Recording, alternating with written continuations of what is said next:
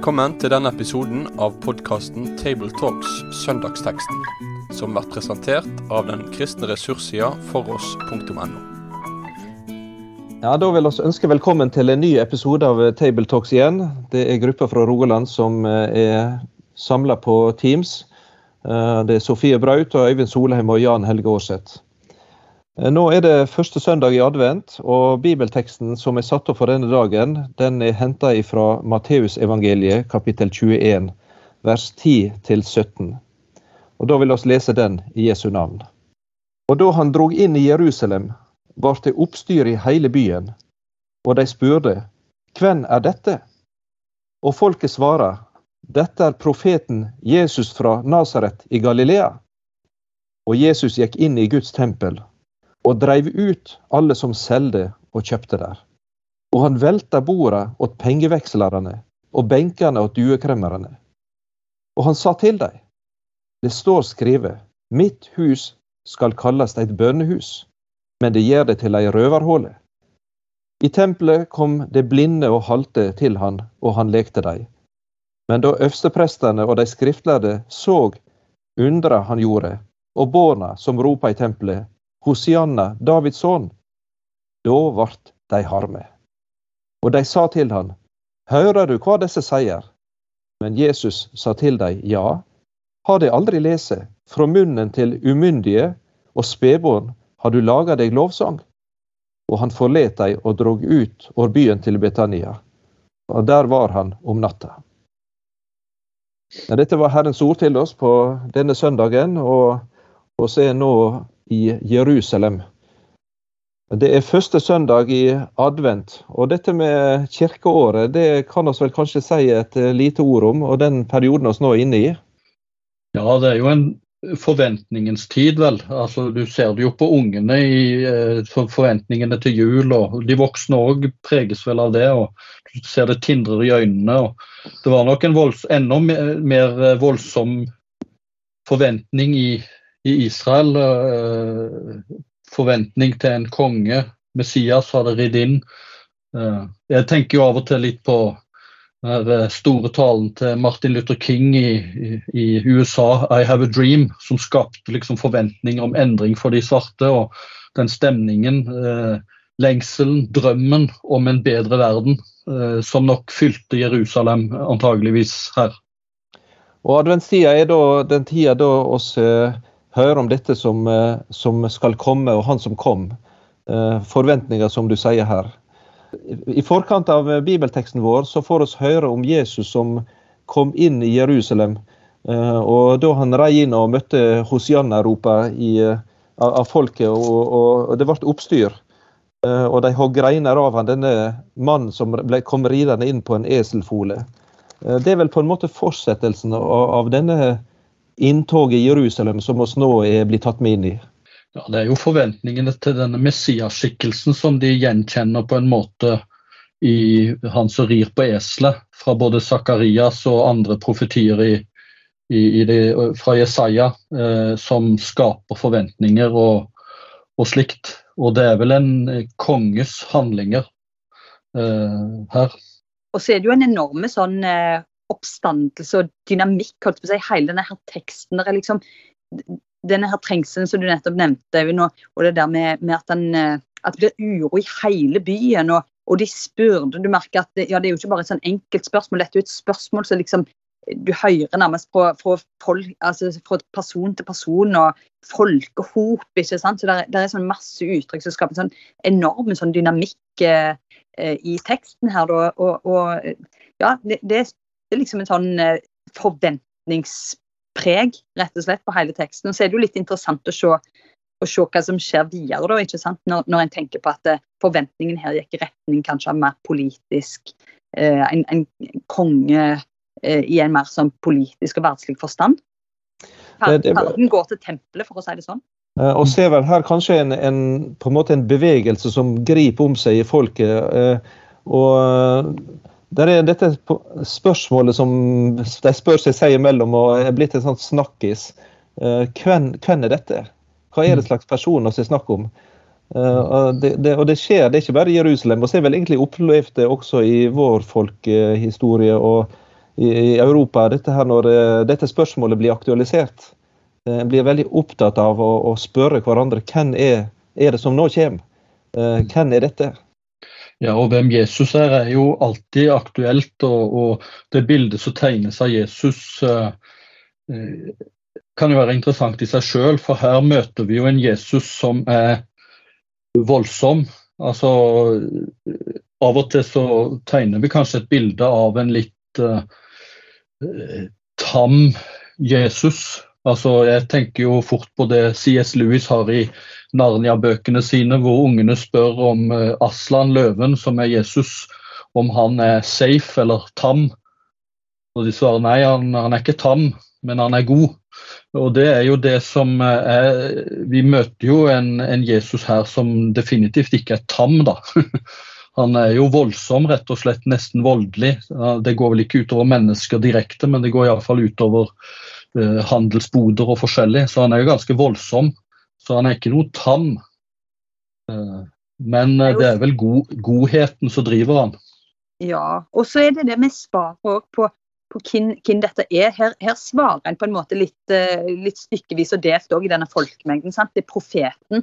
Det, det, er sånn de forstår han som, som, som en, en, viktig person, et sendebud. De, de, forstår jo ikke helt fullt ut hvem det er de har med å gjøre. Um, så det òg er jo et, et, På en måte her gis det et svar, ei brikke på en måte i et større i et større pussel. Og Jesus, eh, når vi snakker litt i forkant her, så, så viser jo denne teksten her at, at, Jesus viser veldig mange sider av sin identitet, egentlig, på denne korte teksten. Eh, du kan si Nå er dette jødiske folk, og her eh, går det fram mot påskefeiringa. og de kommer, Messias, eller Forventninger ligger i folket, de kommer inn for å feire påske. og eh, dette ordet om profeten eh, kan vel ha sitt ekko tilbake til Det gamle testamentet. Jeg tenker på Eh, profetien fra 5. Mosbok 18, eh, vers 15. Eh, der en, en, får et løfte om at en profet midt imellom dykk, en av brødrene dine, som meg skal Herren din Gud reise opp midt mellom dykk, og på Han skal dere høre. Så der er vel en forventning om at det skal oppreises en, en, en som Herren skal sende. Og, og, det ligger vel kanskje også i Hosianna-ropet i inntoget i Jerusalem om dette at Hosianna, Davids sønn, velsigna være Han som kommer i Herrens navn.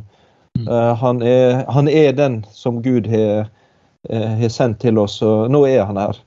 Uh, mens for, altså Messias-bildet var vel Det ser en også blant Jesu venner og disipler. Ikke helt sånn som Skrifta hadde sagt. De, de, så for seg en, en annerledes Jesus, eller Messias. Og, og, dette med kongen, da, denne politiske fyrste og hersker, som da skulle rydde opp og, og hive romerne ut, på en måte. Eh, eller gjenreise tronen som Davids trone, eller hva det måtte være som da Israel på. på. Så, så Messias-bildet var forberedt, men det lå likevel kimen til det i, i, i den bibelske løftet. Og Jesus svarte på en måte ikke helt til forventningene.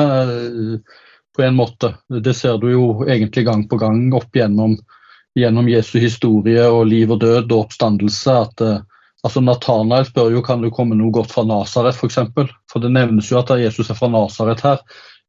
Mange ventet ikke Messias fra en fjellbygd i Galilea. Eh, og etter oppstandelsen så, så sier jo Emmaus-andrerne, som på en måte representerer litt av forventningen Vi hadde håpet at han skulle forløse Israel. Eh, og så ligger han nå på tredje dagen i graven, sånn som de tenker. da.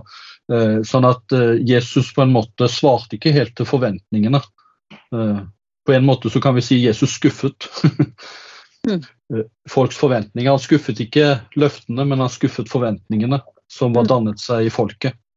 Ja, her òg med måten han opptrer på i denne teksten her. Vil også både at det, ja, En ting er jo den skuffelsen som kom litt i etterkant, men her forvirrer han vel egentlig og overrasker folk med, mm. med sin eh, framgangsmåte, holdt jeg på å si.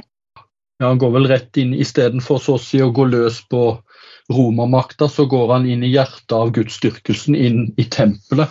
Mm. Eh, og begynner å, å, å, være voldsom på tempelplassen, der på en måte de driver handel for å kunne ofre, for å kunne drive gudstjeneste og tilbedelse.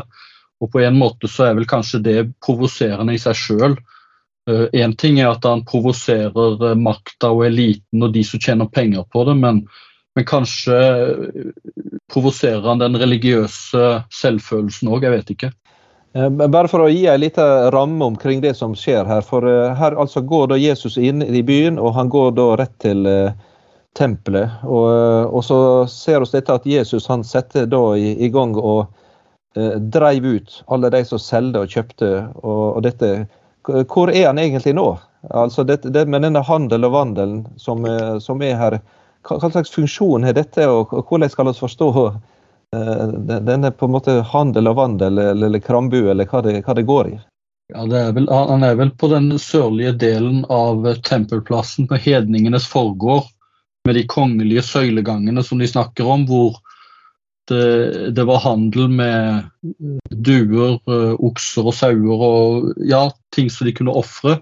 Pluss at det var pengevekslere, fordi de kunne ikke, i forhold til tempelskatten iallfall, så kunne de bare bruke de hellige shekel Eh, sånn at her var det et yrende liv da, med handel og dyr og breking av sauer og, og, og duer og masse lukter og yrende liv og handel. Så, så Men det var jo i, i tilknytning til offerhandlingene, da. Uh, og, og det er nå er i forkant av påsken, ikke sant? Så, mm. uh, og her er det folk fra alle kanter som kommer inn og skal både tilbe, og de skal ofre eh, både takkoffer og syndoffer. Og, og, så blir dette en, en, en, handel her. Eh, hva er det som skaper denne sterke reaksjonen hos Jesus? Hvordan skal vi eh, forstå det? For det, det som du sa, Øyvind, at han, det, det, er et veldig altså følelsesregister i Jesu gjerning her. Og, og Han er kanskje midt oppi ei tid av hans liv og tjeneste der følelsene er veldig sterke på mange felt. Ja, det er En av de tingene som slo meg mest denne gangen når jeg leste teksten og leste omgivelsene, er Jesu voldsomme følelser. Han, like før så har han jo vært i opprør og grått ved grava til Lasarus. Eh, han eh, gråt over Jerusalem når han rei inn, altså i kjærlighetssorg over at de ikke kjente sin besøkelsestid. Og I forbindelse med dette så står det jo om når han forbannet fikentreet. Eh, som var ufruktbart. Sånn at her er det voldsomme følelser i sving. Og så skildres det òg i forkant at han kommer i angst i forhold til det som skal møte han, i, i forhold til det han visste lå foran med kors og lidelse. Så, så ja, folk som ikke tror, vil jo kanskje tenke at her har vi med en ustabil, psykisk ustabil mann å gjøre. Men eh, hvis en kjenner eh, konteksten og hendelsene og bakgrunnen, så er det en dypt engasjert og lidenskapelig Jesus vi møter. Og jeg tror dette med det følelsesregisteret er jo òg noe som eh, Når en sitter og leser dette, og, og det, sånn som vi ofte gjør og har, har følger tekstene og, og, og sånt, så, så, er det klart at av og til kan jeg glippe litt for oss. Kan, de kan, kan, det står at han ble, at han ble sint, at eh, altså det står om følelsene, men jeg tror det er et poeng å faktisk ta seg tid til å enten ja, sånn som noen gjør, litt sånn bibelmeditativt, leve seg inn faktisk i denne mm. teksten og, og, og merke at det Jesu menneskelighet eh, trer fram. Og, og at en minner seg sjøl igjen hvis, hvis historien en har hørt de mange ganger. og sånt. Eksempel tenkte jeg på det med kunsten. Eh, Rembrandt, for eksempel, en maler jeg er veldig glad i, som har malt eh, denne og mange andre senere for Jesu liv. Og, og når en tar fram, Nå er jo alle sånne bilder veldig lett tilgjengelige. ikke sant? Så en kan ta fram eh, Christ driving the, money, driving the money changes from the temple, f.eks. Um, som et bilde av dette, så vil en jo få en opplevelse altså noe av dette virkelig sterke følelsene som i sving her, ikke bare hos, hos, Jesus, men hvordan det må ha påvirka de som var rundt den, og hvor på en måte sjokkerende og, og betydningsfullt og, eh, og, det var at, at det er ei side ved Jesus, altså en sånn vitenskapelig aspekt. Mm. Eh, er det rett å, å bruke ordet kjærlighetssorg? Om, eh, altså her kommer brudgommen til sin mm. brud og eh, til sitt elskede folk, og så er de opptatt av helt andre ting enn det som hører Herren til. Mm. Jeg vet ikke om det kan beskrive en følelse en kan kjenne seg igjen litt i. Jeg tror absolutt jo, jeg det er et, et godt uttrykk. Mm. mm. Også i, den, I Johannes 2 så skildres jo den første gangen Jesus driver ut renser tempelet, så står det at disiplene mintes et bibelord fra Det gamle testamentet, for de sier at hans disipler mintes da dette ord at nidkjærhet for ditt hus skal fortære meg, eller brennende iver for ditt hus skal fortære meg. Så her er det på en måte som at lidenskapen, kjærlighetssorgen, sinnet, hele følelsesregisteret på en måte nesten i ferd med å fortære Jesus innenfra. Så engasjert er han både for sitt folk og for Guds tempel og Guds styrkelsen. Eh, nå jeg siterer Jesus eh, et ord om, eh, fra Jesajas 56, vers 7, knytta til dette, som vi får lese her. Og Der står det om dette at hans, dette med bønnehuset. Som For huset mitt skal kalles et bønnehus for alle folk. Mm. Markusevangeliet har fått med den siste betegnelsen der. Mm. Og nå står han altså, som du nevnte, Øyvind, her i hedningenes forgård. Eh, mm. og ser den travle altså sånn moneymaker eh, med veksling og, og sikkert Åger-priser til de langtveisvarende og alt det her. Eh, og fulle pengepunger og alt dette her. Hva, hva, er det på en måte også, tenker jeg, Kan en si noe om det, at det er akkurat på den plassen? Ja, jeg tenker det uttrykker noe av Jesu raseri at eh, kanskje bønnen og tilbedelsen til hedningene hindres, så å si. Eh, for dette hedningenes foregår. Vi vet jo at det var mange søkende hedninger som trekte til Jerusalem. Eh, og, eh, og, i Det gamle testamentet så får en jo stadig inntrykk av at Israel skulle være et vitnesbyrd for verden som skulle trekke folkeslagene til Sion, til Jerusalem, til tempelet. Eh, og Sånn sett så er vel på en måte Jesu frustrasjon at de er et dårlig vitnesbyrd eh, for uh, hedningene og hindrer hedningenes eh, tilgang til tilbedelse og, og, bønn. Og gir et frampek til på en måte misjonsperspektivet. Jesus var kommet for å frelse alle folkeslag. Jeg tenker også på det, der, det, det poenget der når en tenker på aktualisering her, at, at det altså alt som er til hinder, på en måte. Det, det, er jo noe vi kjenner igjen fra mm. vår tid. at Det blir så, det blir så lett helt andre ting en blir opptatt av òg. Det er kanskje en liksom forenkling av det dypere poenget her, men, men, jeg tror jo det ligger noe der òg. At det blir så utrolig mye annet som kommer i veien for, for tilbedelsen, og for det å mm. faktisk søke Herren. Så, mm. så jeg tror jo det, det er et tankekors òg i en sånn litt eh, enklere og kanskje mer sånn umiddelbar betydning òg Det å rydde, mm. rydde vei for det møtet med Herren. Ja, og han, Hvis en tenker på Nytestamentet, så står altså nå det er han som er den egentlig ypperste prest, og som er det fullkomne offer fram. Og så rydder han til sides det midlertidige, med dueoffer og penger og alt det som måtte være, eh, på hedningenes forgård, og for å rive ned, altså skille. Uh, og mm. det vet oss uh, ble synliggjort på Golgata når, altså, når han ropte 'fullbrakt', så revna forhenget. Ikke mm. bare med hedningene og kvinnenes forgård og den israelittenes forgård, men helt inn til aller helligste så, mm. så ble skillet eh, åpna ovenfra ned, sto det. Så det, det, er en maktdemonstrasjon som eh, viser altså hvordan Gud åpner en ny vei inn til, til, Guds fang, egentlig. Ja. Og også i, i, forbindelse med Johannes 2, hvor det står om rensing av tempelet, så knytter Jesus direkte an til og sier at riv ned tempelet, så skal jeg bygge det opp på tre dager. Og de misforstår, for han snakker jo om seg selv som det nye tempelet der Guds bolig, og som jula òg handler om at Gud, ordet ble kjøtt og slo sitt telt opp, eller sitt tempel opp iblant oss. Mm. Eh, sånn at eh, det er et frampek her òg om at, eh, at, nå er tempelets tid over. Hos Lukas, rett før denne rensingen av tempelet, så, så, sier jo Jesus at det skal ikke bli stein tilbake på stein. Dette tempelet har nærmer seg sin slutt, og ofringenes tid nærmer seg nok også sin slutt, når han river ned disse bodene. Uh, Jesus siterer et bibelvers der i vers 13. Dette, med, dette ordet 'røverhålet' det er et ganske sterkt uttrykk. Mm. Uh, og Det er vel også da henta fra Det gamle testamentet.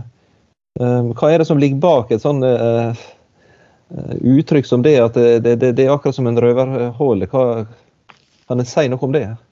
Kunne vel kanskje lese det, og så kan dere kommentere det. For det er ganske sterke fra Jeremia 7, så litt mer enn akkurat det. Se, dere har festet lit til løgnaktige ord til ingen nytte. Hva så? Dere stjeler, slår i hjel, bryter ekteskapet, sverger falskt og brenner røkelse for Baal og følger andre guder som dere ikke kjenner. Og så kommer dere og står fram for mitt åsyn i dette huset som er kalt ved mitt navn, og sier vi er frelst, og så vil dere fremdeles gjøre alle disse motbydelige tingene. Er da dette huset som er kalt med mitt navn, blitt en røverhule i deres øyne? Se også jeg har sett det, sier Herren. Ja, Det er vel en beskrivelse av israelsfolket sitt totale frafall. Eh, og det, det alvorlige er på en måte at uh, gudsramma, altså på en måte i det ytre så ser det ut som jula går rundt og alt er som før. Mens i hjertet og i virkeligheten og hverdagen så er det, så er det helt andre ting som opptar en. Mm. Og, og, og, Guds kjærligheten er blitt bytta ut med, med virkelige vonde ting. Mm. Ofte er det der falske ja, ferniss og overflate av, av, eh, av gudsdyrkelse er jo noe som virkelig uh, provoserer Jesus. Det er jo sånn gjennomgående tema i evangeliene. der at at når man snakker om disse hvitkalka gravene ikke sant? Og, og folk som, som, på en måte har en respektabilitet, og sikkert også sånn som man kunne tenkt her, med pengevekslerne og, og, denne handelsplassen her. En har jo bare tilrettelagt en kunne sagt sånn praktisk sett så var det liksom en, en god ting. Sant? For en har tilrettelagt for at folk skal kunne ordne det der, og det er jo praktisk og greit å ha det i nærheten. ikke sant? At en kan på en måte ha de beste eh, grunnene for å gjøre det, men at det, det er en eh, det, det, er sterke ord. Det er vekker en Eh, med disse ordene for Jeremia her, med, med at, at det, liksom ligger bare et slags gudelig ferniss over eh, mange andre hensyn som på en måte veier mer. altså F.eks. her med, med, pengene og med det å gjøre seg rik ikke sant, på, på folk som kommer og skal søke en gud. Ja, og så er tankekorset at, at uh, i forhold til når folk kommer til bedehus eller kirke og eventuelt er søkende, hva møter de da? Møter de bedehusfolk og kirkefolk som uh, holder på med alt mulig annet enn med Gud og hans rike, kanskje. Uh, og så går de skuffet bort og får ikke det de søker. Uh, det er noe med at Gud ønsker en gudsdyrkelse som, som, både går på dypet, men som også er barmhjertig og viser barmhjertighet. Mm. Når en snakker om faste f.eks., eller slikt, så vil han ikke ha en faste uh, som er noe annet enn det å mette den sultne og kle den nakne osv. Det er noe med, med, at det skal være sammenheng mellom gudsdyrkelse og tilbedelse og hverdagslivet. Mm. Og at en går til, til, det som er kjernen. altså Litt sånn som salmisten sier, det er ingen som spør etter sjela mi. Og, og litt, litt, det kan jeg si her også, at det blir, det blir, så mye andre ting som på en måte kanskje stjeler fokus òg. Og, og, og, det å komme til kjernen av, eh, av, et møte med Gud, og ikke bare bli stoppa på, på, en ja, litt tvilsomme halvvei. Ja, jeg kan vel da måtte nevne at Det er viktig at ikke vår kristelige aktivitet uh, blir et mål i seg sjøl. Mm. Uh, og på en måte et, et, et gjerde eller en begrensning for uh, å føre for mennesket til Jesus. Og Det kan en tenke på i nå en førjulstid, som er travel i seg sjøl, med alle våre eh, innsamlinger og julemesser og, og alt dette. At eh, her må ikke en glemme sjela. Eh, også til de som en møter i, i, i, i bedehus og kirke. Han, han, river ikke bare ned, men han bygger også med å helbrede lamme og blinde, som egentlig Eh, måtte stoppe kunne ikke, De var urene for tempeldyrkelsen på en måte. Mens eh, han eh, bygger opp med å gjøre godt, helbrede, som jo gir et frampek på at, at disse grenseskillene skal rives ned. Så han river ikke bare ned, men han bygger òg opp. Og, Det er vel også det en kan kalle tegn på Messias. altså de tegnene som vil følge han som Gud skulle sende. Det er akkurat det han gjør her. Og så eh, til slutt, nå går tida fort for oss her, men så kommer barna på banen. Eh, og det er noe liksom forløsende med ungene. De, eh, de, de, de, er frie og har ikke de sperrene. og, og, og, frykten for mye. Og, og, det er tydelig at de har blitt begeistra her. De, de, roper rundt i tempelet, står det her, disse ungene, om Hosianna, Davids sønn. Eh, men det skaper irritasjon, spesielt hos de religiøse lederne. Eh, hvorfor eh, er det akkurat dette Bibelen legger vekt på her? Det er litt merkelig detalj, egentlig. Det er en litt sånn interessant detalj, Øyvind. Du kan si litt mer om det etterpå. Men jeg tenker bare på den Når, når fariserene og de skriftlærde liksom, og denne irritasjonen som bygger seg opp her. Og, og, og, de sier 'hører du hva de sier'? Eh, og så er det akkurat som i det spørsmålet ligger det sånn skal, Si at de skal slutte, eh, ta et oppgjør med dette her. Eh, men Jesus sier jo tvert imot. Han refererer jo bare til Salme 8. Og, og, og her er det en, en, et utrolig sånn litt gåtefullt og, og interessant ekko fra, fra Salme 8. Jo, det er jo det. Og så er det jo tanke, tankekorset at uh, Jesus renser tempelet fordi det skal være et, et bønnens hus, altså et sted for både bønn og lovsang. Og så kommer lovsangen fra barna, og så blir lederne, de skriftlærde og prestene de blir sinte fordi disse barna de hyller Messias, kongen og, og, og sånt. Og, og, det blir jo en veldig kontrast. Disse blir sinte når barna begynner å hylle, mens Jesus han ble sint når disiplene ville opptre som livvakter og hindre foreldrene å komme med barna til han. Så, så det er litt kontrastfylt med hva som utløser sinne da, hos det religiøse lederskapet her og hos Jesus. Eh, han anerkjenner og tar imot barnas eh, lovprisning eh, og hyllest. Og når ikke lederne hyller han som den sanne Messias, så, så skal sånn som Salme 8 sier, eh, barna og de umyndige iallfall gjøre det. Så tenker vel ofte på advent og jul liksom som barnas eh, særlige tid, også med forventninger og sånn. og Mm. Kanskje oss eh, som voksne skulle tenke litt mer på det som barna gjør. At vi skulle hylle Jesus som Messias i lag med dem. At, det, at vi passer på det. At ikke det, det, blir stille hos oss. Ja, og det er jo litt uh, tankevekkende òg med denne her uh, vidløftigheten som ofte følger den voksne verden, med så mange uh, Sånn som en ser liksom det hele denne historien legger opp til òg, med, med all slags uh, forskjellige sammensatte motiv og, og mange uh, viderverdigheter her på, på Tempelplass med denne pengeveksling osv. Uh, og så blir det jo òg en kontrast her til det med ungene sin bare umiddelbare og spontane reaksjon på Jesus, som akkurat så fanger noe som, som på, en, på en måte eh, voksne så fort kan gå glipp av. Så jeg tror det er et kjempe, kjempetankekors akkurat til deg, Jan Helge. Mm. Og Kanskje oss eh, da skulle slutte av eh, denne episoden med akkurat det som eh, barna sier. De sier det Hosianna Davidsson. Og kanskje det skulle være vår takkebønn og lovsang nå i adventstida fram mot jul. Med det sier vi takk for følget for denne gang. Finn flere ressurser, og vær gjerne med å støtte oss på foross.no.